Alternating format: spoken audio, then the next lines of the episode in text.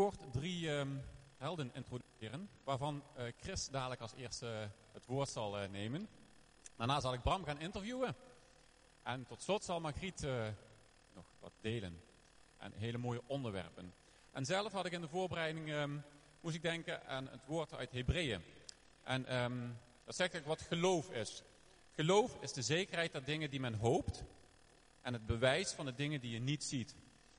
En ja, voor mezelf hangt dat misschien als paraplu boven deze ochtend. En ehm, ja, ook mooi hoe, hoe Nancy haar passie deelde en eigenlijk dat wat Jezus ehm, deed om dat stukje ook door te geven. En in Hebreeën staan die geloofshelden ook genoemd. En mijn hoop is dat wij zeg maar, dat hoofdstuk verder kunnen gaan schrijven. Ehm, met de namen die, daar, die daarin staan. Uh, door het geloof heeft Jacob. Door het geloof heeft Jozef. Door het geloof is Mozes. Ja, je moet het hoofdstuk maar eens lezen. En dat is, um, ja, ik vind het mooi om te lezen. En het bemoedigt mij in ieder geval heel erg. Chris, uh, kom alvast naar voren. Um, geef hem alvast een hartelijk applaus.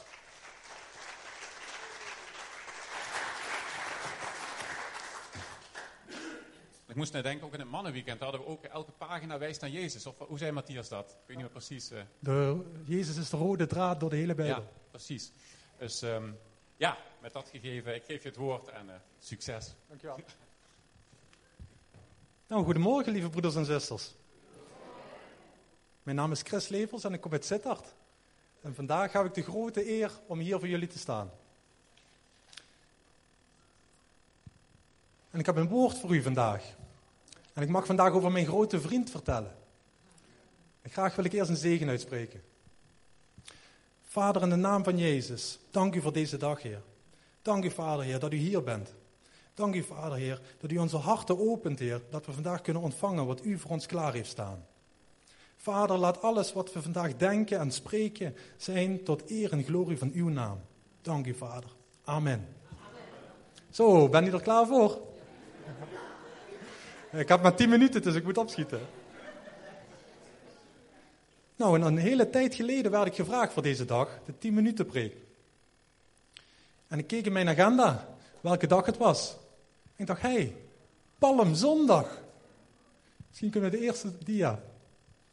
Maar Palmzondag, wat is, wat is Palmzondag nou eigenlijk? Is het misschien de dag dat het bijna zomer wordt? En we kunnen alvast dromen, tweede dia. Dat we onder de palmbomen kunnen wandelen. Of is het toch iets anders misschien? Laten we toch maar even in de Bijbel kijken. Want daar spreekt de waarheid. Volgende dia. Johannes 12, vers 12. De volgende dag was er al een grote menigte in Jeruzalem voor het feest.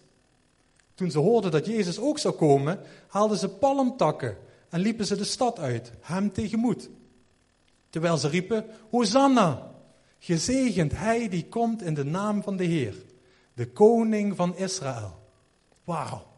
Hosanna. We hebben het vanmorgen al gezongen. Hosanna betekent eigenlijk help ons of red ons. Maar tegenwoordig wordt het meer gebruikt als een uitroep van vreugde. Kijk maar eens, over twee weken is het Koningsdag. En als de koning de stad binnenkomt, dan staat het hele volk met vlaggetjes. En ze roepen hoera, hoera voor de koning. En misschien nog een ouder woord, misschien kent iemand van u dat nog zelfs hoezee. Hosanna, Hosanna.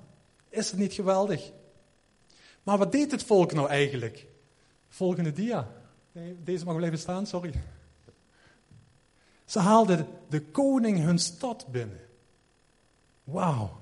En dat is het woord wat God vandaag op mijn hart heeft gelegd. Haal de koning uw stad binnen. Maar voordat we dat kunnen doen, moeten we hem eerst de koning van ons hart maken. Er werd veel gezegd de afgelopen tijd. Waar het hart van vol is, loopt de mond van over. Zorg dan dat uw hart gevuld is. God wil u oprichten, God wil u leren, God wil u onderrichten, u klaarstomen. Hij wil u toerusten om zijn werk te doen. Hij wil u gebruiken.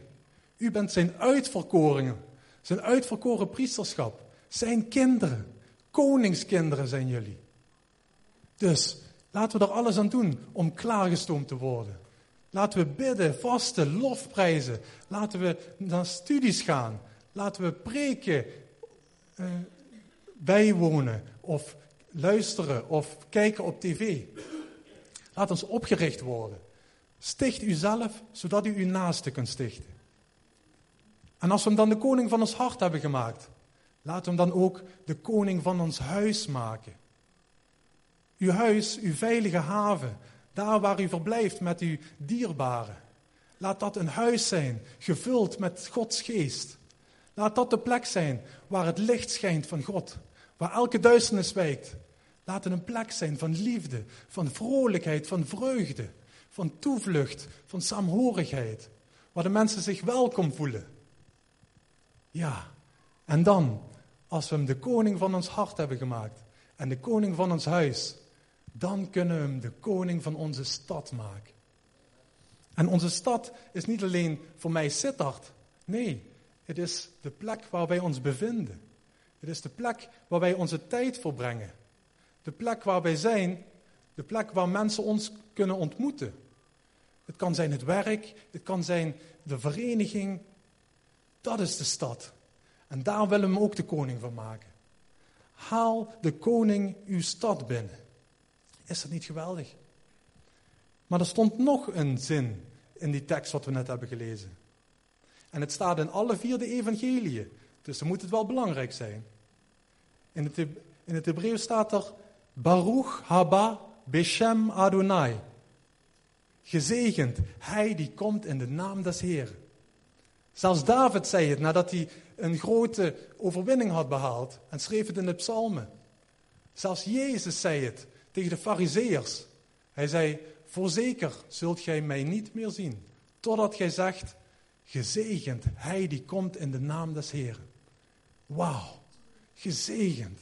En ik zou graag willen zeggen, als ik u ergens tegenkom, hoera, die broeder is gezegend, hij komt in de naam des Heeren. Hoera, die zuster, zij is gezegend, zij komt in de naam des Heeren. Wauw. En dan kunnen we de koning onze stad binnenhalen. Is dat niet geweldig? Ben je er klaar voor? En ik weet dat het moeilijk is. De mensen willen niet meer luisteren. Ze zijn het vergeten. Ze zijn de weg kwijt. Maar u heeft de kaart. Ze zijn, de verbinding is weg. Maar u heeft de wifi-code. Zij zijn ziek, maar u heeft het geneesmiddel. Halleluja. En doe het daar, daar waar u, wat u thuis noemt. Een broeder in Sittard zei laatst nog, gij moet daar bloeien waar u gezaaid bent. En maar waarom? Waarom zou ik het doen? Ik heb amper tijd om naar de dienst te komen. Nou, doe het voor God. Doe het uit dankbaarheid. Een broeder uit België zei laatst, als vandaag de hele wereld Jezus gaat volgen, zijn morgen alle problemen opgelost. Halleluja. En laten we ons daaraan vasthouden. Want weet u wat er gebeurt als Jezus een stad binnenkomt? Laten we kijken in Matthäus 21, vers 10. Toen hij Jeruzalem binnenging, raakte de hele stad in rep en roer. Wie is die man? wilde men weten. Wauw, een hele stad in rep en roer. En weet u wat het voor mij betekent als een hele stad in rep en roer raakt voor Jezus? Opwekking. Opwekking. En dat zou ik graag nog willen meemaken hier in Limburg. Dat zou ik graag nog willen zien hier in Sittard. Dat we kunnen juichen voor onze Heer. Dat een hele stad in rep en roer is voor de koning, voor koning Jezus. Halleluja. En ik weet dat het moeilijk is. De mensen willen niet meer luisteren. Een broeder uit Duitsland sprak laatst nog. Ieder mens is diep van binnen. Verlangt hij naar een redder. Verlangt hij naar een God die een lief heeft. Halleluja. En doe het. Doe het gewoon uit dankbaarheid. We hebben toch zoveel om dankbaar te zijn. Wat God al allemaal heeft gedaan in onze levens. En waar we aan vast mogen houden wat hij nog allemaal zal gaan doen. Wat hij ons beloofd heeft. Is het niet geweldig? Laten we volhouden. Jezus komt spoedig. Alle tekenen zijn daar. Het is vijf voor twaalf. Een moment, hij zal ons komen ophalen. In een oogwenk zullen we bij hem zijn. Hij zal ons tegemoet komen in de hemel. En dan zal hij ons zijn stad binnenhalen. Wauw, dat is toch een mooie belofte. Daar willen we toch voor doen, of niet? En het maakt niet uit als u het evangelie brengt. Niet iedereen zal zich meteen bekeren. Maar u plant het zaadje en Jezus zal het laten groeien. En als het nog veel moeilijker gaat worden in de wereld, in de grote verdrukking, dan zullen ze denken aan het evangelie wat u hen heeft gebracht. Dan zullen ze zich bekeren. Dan zullen ze met hun mond beleiden dat Jezus Heer is. Dan zullen ze in hun hart geloven dat God hem uit de dood heeft opgewekt. En volgens Romeinen 10, vers 9 zijn ze dan behouden. Is het niet geweldig, broeders en zusters? Jezus is heel duidelijk. Matthäus 28, vers 19. Hij zegt, ga dan heen. Maak alle volken tot mijn discipelen. Doop hen in de naam des Vaders, des Zoons en des Heilige Geestes. En leert hen onderhouden al wat ik u bevolen heb. Nou, ik weet niet hoe het bij u zit, maar mijn volk is nog niet klaar. Mijn stad is nog niet klaar. Mijn collega's zijn nog niet klaar. Mijn sportgroep is nog niet klaar. Mijn buurt is nog niet klaar en mijn familie is nog niet klaar. Dus er is nog werk genoeg. Dus laten we volhouden. En ook al komen de mensen niet meteen tot bekering, ze zullen het zaadje kunnen laten groeien. Op het moment als ze het hardst nodig hebben. En eens komt die dag. Volgende dia. Alle ogen zullen Jezus zien. En de zijnen zullen bij hem zijn. Halleluja. Er is nog hoop. Er is nog hoop voor de mensheid. Hoe zwart en hoe duister de wereld nu nog is. Dus laten wij Jezus de koning van onze stad maken. Tot op de laatste palmzondag. De laatste palmzondag. Met de scharen die niemand tellen kan. Laten we kijken in Openbaring 7, vers 9 en 10 tot slot. Daarna zag ik een groep mensen die zo groot was dat niemand hen tellen kon. Het waren mensen van alle volken en stammen en landen en talen. En ze stonden voor de troon en voor het lam. Ze hadden lange witte kleren aan en hielden palmtakken in hun handen.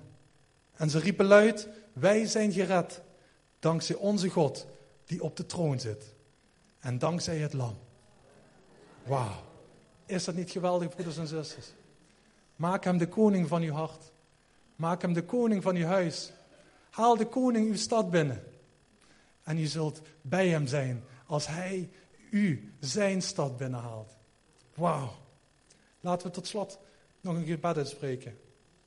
Vader, in de naam van Jezus, dank u voor uw woorden, Heer. Dank u voor uw kracht, Heer. Vader, help ons, help ons, help ons. Hosanna, we hebben u nodig. Zonder u kunnen wij niets, Heer. Maar met u is niets onmogelijk.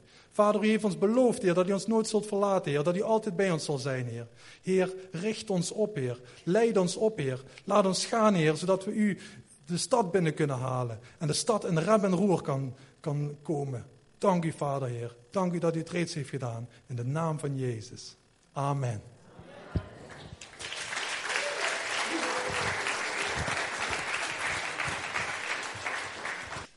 Ja, ja, dit is Bram de Vries.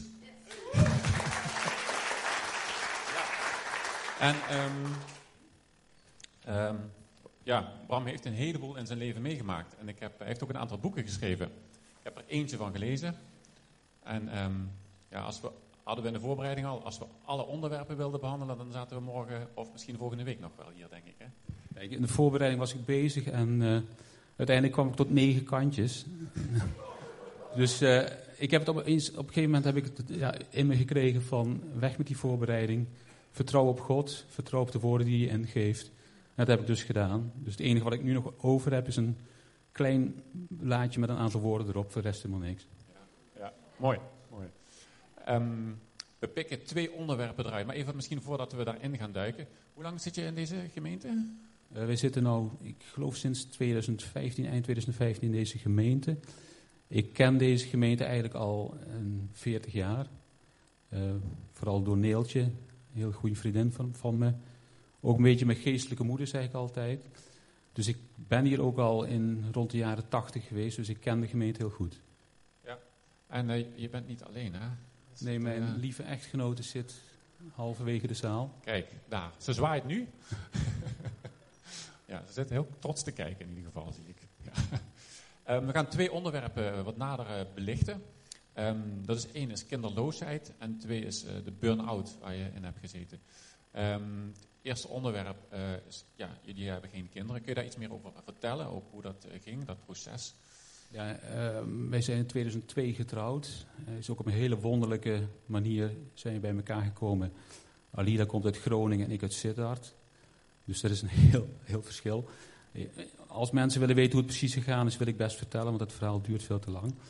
Nou, als je gaat trouwen, dan uh, ga je meestal uh, beginnen met huisje, boompje, beestje. Je verwacht dat er kinderen komen en als dat niet komt, dan staat je leven even helemaal stil. Je weet ook niet hoe je ermee om moet gaan. Je weet niet hoe je het bij God neer moet leggen. En vooral ik had uh, veel boosheid in me. Ook doordat er wat andere dingen in mijn leven waren gebeurd, had ik zoiets van, maar God, waarom dit nu ook erbij? Uh, toen ik in de voorbereiding nadenken was over dit onderwerp, toen uh, weet ik nog een, uh, dat we in Griekenland waren. Dat was vlak na de eerste poging die mislukte. wij zijn toen met IVF begonnen. Dat ik het ook gewoon uitgeschreven heb in Griekenland, bij een berg, bovenop een berg, dat ik ook zoiets had van, God, waarom doet u ons dit aan? Waarom moet dit gebeuren? Waarom gebeuren zoveel zwangerschappen wel goed? En waarom gebeurt ons dat niet? En uh, ik heb het toen niet goed kunnen uh, verwerken. Dat heeft jaren geduurd. Ik heb er uiteindelijk een boekje over kunnen schrijven van wat het met mij heeft gedaan als man. En het heeft vooral te maken met ja, hoe, hoe is je identiteit wat blijft van je identiteit over als je geen vader wordt? En hoe gingen jullie daar samen mee om? Ja, dat is toch uh, heel, heel wonderbaarlijk mooi gegaan. Het heeft ons niet uh, uit elkaar gedreven, wat toch bij heel veel uh, echtparen gebeurt. het heeft ons veel dichter bij elkaar gebracht. We hebben veel samen gebeden. Er is ook voor ons gebeden en eigenlijk tot op de dag van vandaag geloven we nog steeds in een wonder. Een wonder van een zwangerschap, een wonder van een kind. En een aantal weken geleden sprak ook een broeder over Abraham. Dat hij andere dingen deed dan God van hem verwachtte. Dus wij geloven ook nog steeds in dat wonder.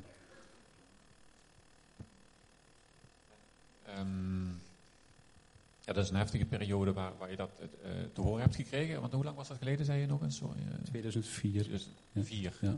ja. En hoe ga je daar nu mee om de afgelopen jaren? Hoe, want het is ook confronterend, heb je gezegd, op sommige momenten. Ik moest nog aan je denken net, toen Nancy uh, de kinderen ook naar voren haalde. Ja, dat... Ik, wat, wat het veranderen gebracht heeft, al die ja, zaken die mijn leven hebben doorkruist, is dat ik een stuk bewogenheid heb gekregen. En toen jij dat verhaal vertelde, moest ik oppassen dat ik niet in tranen uitbarstte. Want dat doet me gewoon heel veel. Als ja, je vecht om mensen te krijgen om de kinderen te vertellen van God. Je, gaat dan snel denken van het is niet voor mij, ik ben niet een jeugdleider of een kinderleider. Maar het is gewoon belangrijk dat het gedaan wordt. En hoe, wat zou je ook um, uh, mee willen geven daarin um, aan, aan, ons of als, aan de kerk, als het gaat om kinderloosheid of wat je daarin zelf ziet? Want ik merk dat een onderwerp waar je weinig mee hebt, daar, um, hoe zeg je dat? Ja, daar, daar je misschien soms overheen, of dat, uh, dat zie je niet. Kun je daarin ook wat aangeven wat we daarin nodig hebben? Nou, ik heb natuurlijk uh, voor mijn boekje diverse onderzoeken gedaan. En ja, er zijn heel veel onderzoeken over hoe gemeentes het beste met kinderloosheid in een kerk kunnen omgaan. En uh, ja, je zult het zelf als echtpaar te sprake moeten brengen, want uh, zo wordt het eigenlijk niet te sprake gebracht. momenten zoals moederdag en vaderdag zijn gewoon heel confronterend voor ons. En ja, we skippen dan wel eens de kerk, is niet netjes, maar ja, dat doet gewoon heel veel pijn. ondanks dat het verwerkt is, voor mij nu ook, blijft er toch altijd weer een, een, ja, wond die open wordt getrokken. Maar uh, ja, de komende moederdag kunnen we niet onderuit, want we moeten zingen. Dus dan zijn we toch hier. Ja, volgens mij spreekt Betty dan. ja. Um, maar mooi hoe je toch ja, daarin um, ja, dat, dat vorm geeft en daarin met elkaar ook met name omgaat. Wil je daar nog iets over delen, over dit onderwerp? Um, nou, je had het net over burn-out. Ehm, door alle zaken, ook de kinderloosheid die je meemaakt, uh, te hard werken door mij, allerlei dingen die nog uh, niet uitgesproken waren, ben ik op een gegeven moment in burn-out beland. En uiteindelijk is dat wel eigenlijk een redding geweest, ook in de relatie tot God. Ehm, ik had een hele goede therapeut, een christelijke therapeut, die binnen een paar dagen alles wat mij ja, tegenhield om ja, misschien raak zich gelukkig te zijn, eruit heeft gehaald. En zo ook de verbinding met God heeft uh, hersteld. Uh, ik verleek me van week zelf een beetje met Mozes, die 40 jaar door een woestijn heeft gewandeld. Ik ben op mijn zestiende gedoopt en eigenlijk na mijn burn-out, rond mijn 54ste, heb ik eigenlijk weer die verbinding teruggekregen. Het is een hele lange tijd geweest, heeft heel veel beproevingen gekost, maar ik ben ontzettend blij dat ik dat nu voel en kan meemaken. Ja, je had het over, je maakt even terug naar de, naar de burn-out. Um, je had het over lichamelijke en geestelijke chaos. Hoe ziet dat eruit? Nou, ik weet niet. Er zullen best wel mensen zijn in deze gemeente die ook een burn-out hebben meegemaakt.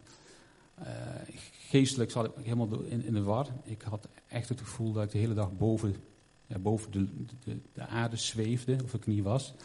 Uh, lichamelijk verschillende problemen. Uh, ja, over, overal pijn, hoofdpijn. het gevoel dat je een, een, ja, een zware kist op je hoofd hebt. Geestelijk had ik uh, last van, van uh, allerlei vrezen, pleinvrees. Uh, ik durfde bijvoorbeeld helemaal niet alleen naar buiten toe. angstaanvallen, hyperventilatie. Ja, de gekste dingen. Dat, als je van tevoren zoiets zou te horen krijgen, dan geloof je niet. Maar als je er middenin staat, dan, ja, dan word je soms helemaal gek van. Moet ik me dat voorstellen? Ben je dan ook geïsoleerd, de rolluiken dicht, niet naar buiten? Het, li het, liefste wel. ook daarin heb ik een geweldige vrouw die ja, mij ook uit huis gesleept heeft om over die angsten heen te komen.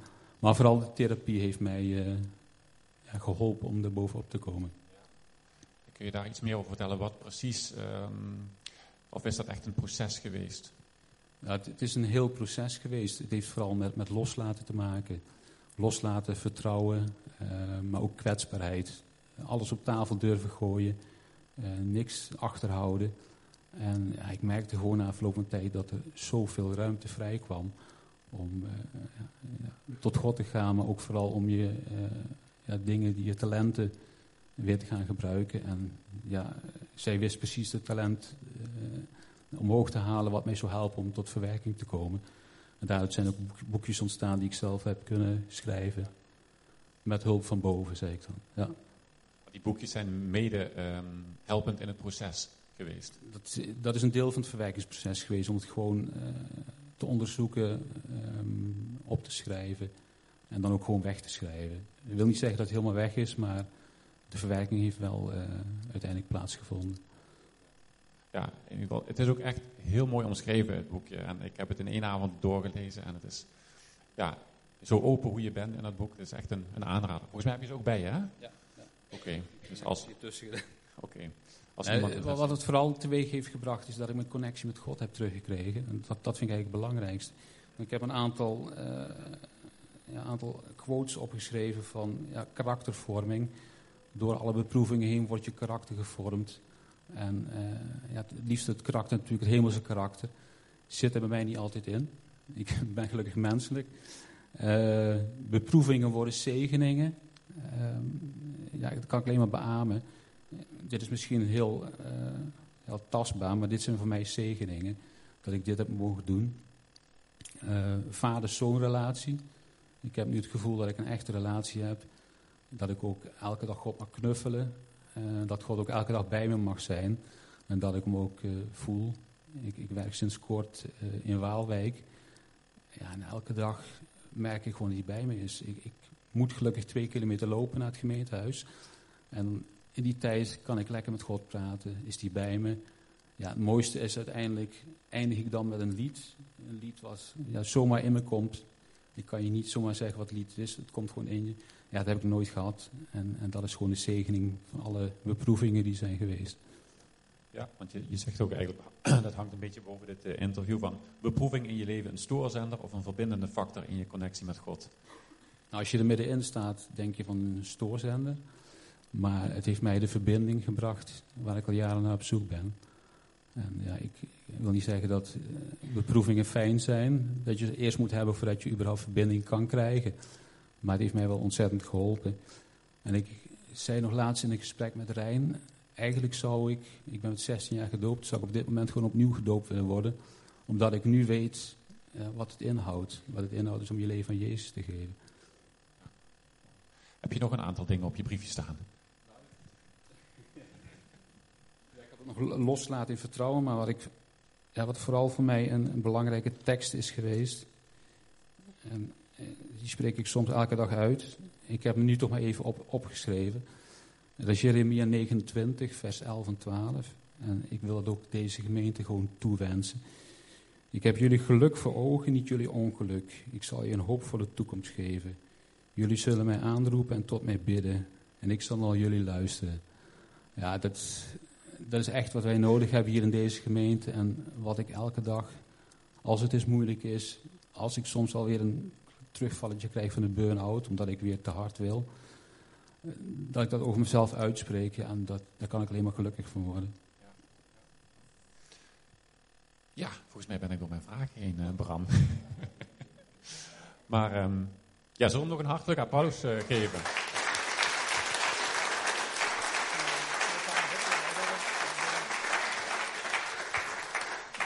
Zullen we gaan staan? We willen nog een gebed uitspreken. Vader, we, bidden, we komen tot u, ook met dit ja, kwetsbare verhaal van Bram. En ja, statistisch gezien, ik heb er zelf ook mee te maken gehad, kinderloosheid, burn-out ook. Heere God, het zijn onderwerpen waar die ons allemaal raken. En ik wil bidden, Vader, voor diegenen waar dit um, actueel is. Vader, dat, um, ja, wat, wat Bram ook vertelde, door erover te praten, door het weg te schrijven, door ermee voor de dag te komen, kan er herstel komen. Vader, help het om het bij u te brengen en om ook hulp te zoeken daarin. En um, ja, ik bid, Vader, als er mensen daarmee mee rondlopen, dat, ja, dat ze hier ook een luisterend oor vinden. Dank u wel voor Bram. Dank u wel voor al hetgeen dat hij ook te bieden heeft aan, uh, aan ons, aan, aan, onze gemeente. Dank u wel voor zijn voorbeeld en dank u wel voor zijn boek. Heere God, wilt u hem ook zegenen samen met Alida. En hem um, ja, door het mooie proces verder leiden, Heere God. En dank u wel voor zijn openheid. Dus, uh, Margriet, de derde held van vandaag.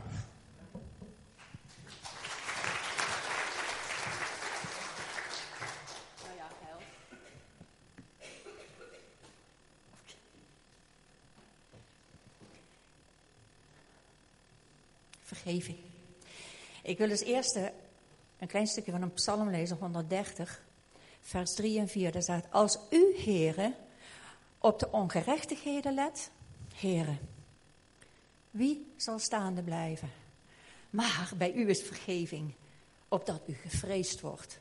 Gevreesd, niet bang, maar respect voor hebben. Geweldig. Vergeving. Het is een, een onderwerp waar ik eigenlijk al, al, al heel lang over aan het nadenken ben. Er is ook zoveel over te zeggen dat uh, tien minuten een beetje weinig is. Maar goed, ik doe mijn best. Als je zoekt naar de definitie van het woord vergeven, in het woordenboek of uh, uh, Wikipedia of de encyclopedie, dan kom je van allerlei woorden tegen, zoals absolutie, of genade, kwijtschelding, pardon. Maar wat er ook staat, de vergeving van zonde is het kernpunt van het christendom. Wauw. Vergeving van zonde is het kernpunt van het christendom. Dus het is toch wel heel belangrijk om daar ook eens even over na te denken. Toen ik vorige maand in Israël was, voelde ik opeens zo verschrikkelijk duidelijk het verschil tussen het oude en het nieuwe verbond. In het Oude Testament lezen we oog om oog, tand om tand. Wij waren de tweede helft van onze vakantie van Israël waren wij bij een Joods echtpaar. Zij was wel bekeerd uh, tot het Jodendom, had oorspronkelijk een uh, christelijke achtergrond. We waren daar met acht christelijke vrouwen. En ook onze Joodse gastvrouw, die kwam op een avond bij ons zitten terwijl we eigenlijk heel, um, ja, gewoon heel persoonlijk een gesprek met elkaar hadden. Ook ik vertelde iets over mijn leven en ik vertelde iets over vergeving. Maar daar sprong deze dame, die dus nu Joods was, daar opeens op in. En ze zei, jullie, en dan bedoelde ze dus christenen, jullie zetten tegenover haat, zetten jullie liefde. Maar dat is niet waar, zegt ze. Tegenover haat staat gerechtigheid.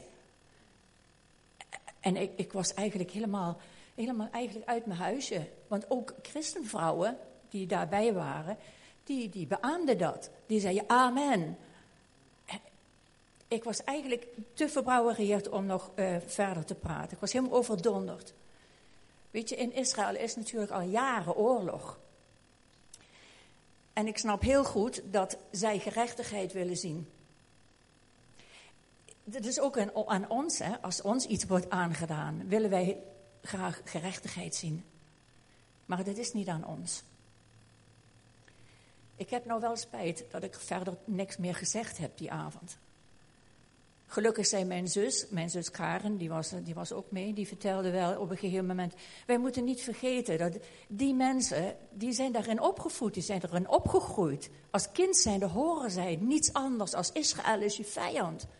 Het is, het is logisch dat hun denken daar totaal door beïnvloed wordt. Ze weten gewoon niet beter.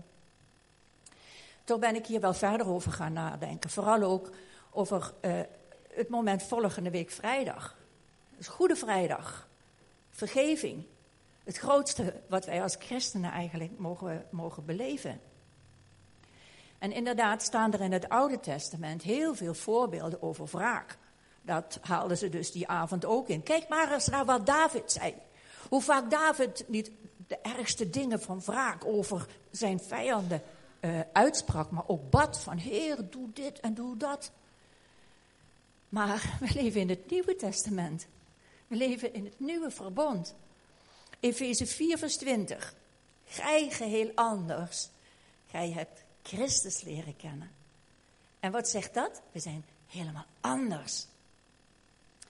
Weet je, Deuteronomium staat vol met allemaal wetten waaraan de mensen zich moesten houden. Wetten waaraan ze zich ook helemaal niet konden houden.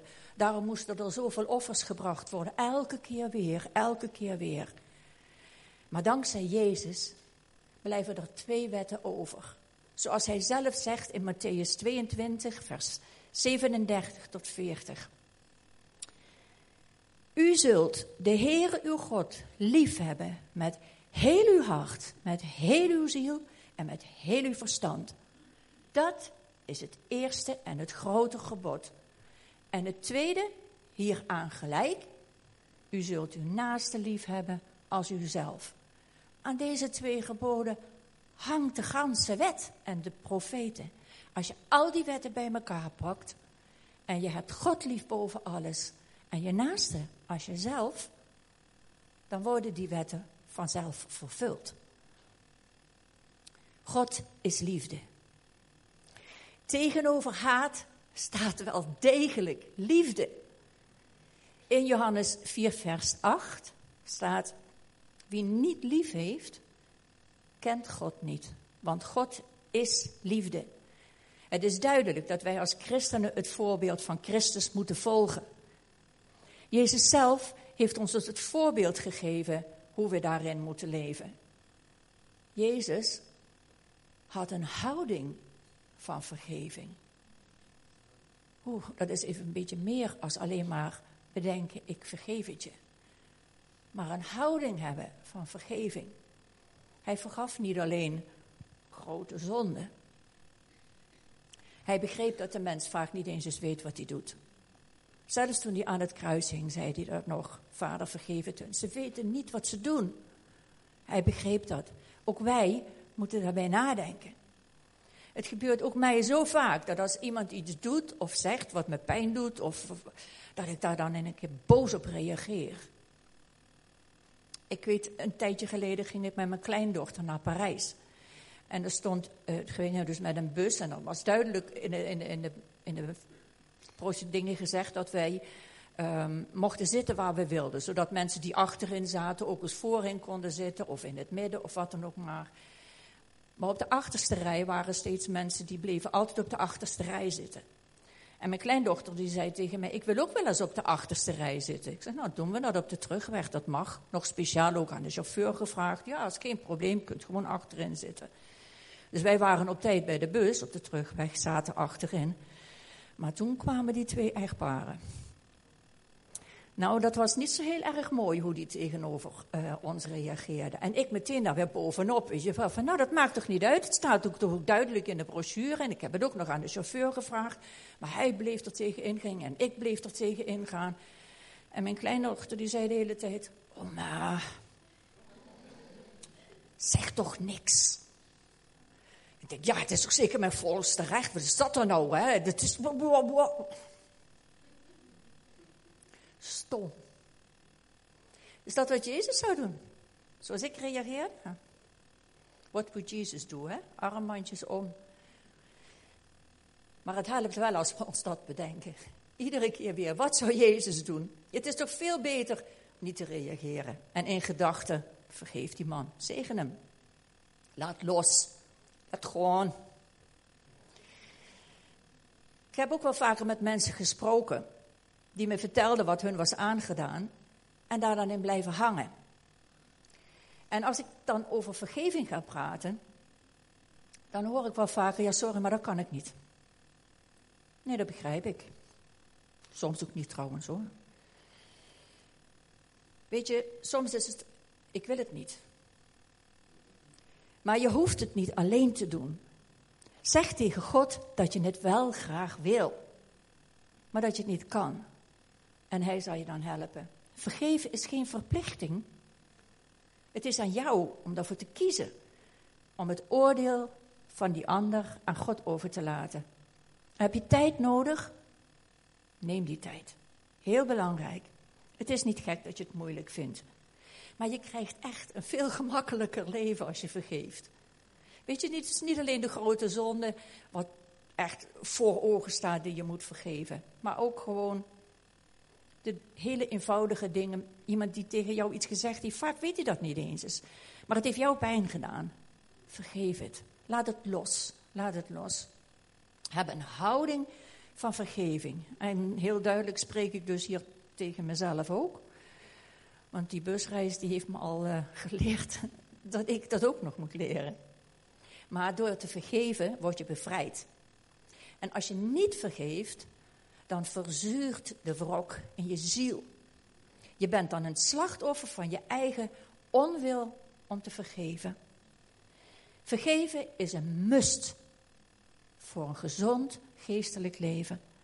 Zelfs lichamelijke klachten kunnen ontstaan door onvergevingsgezindheid.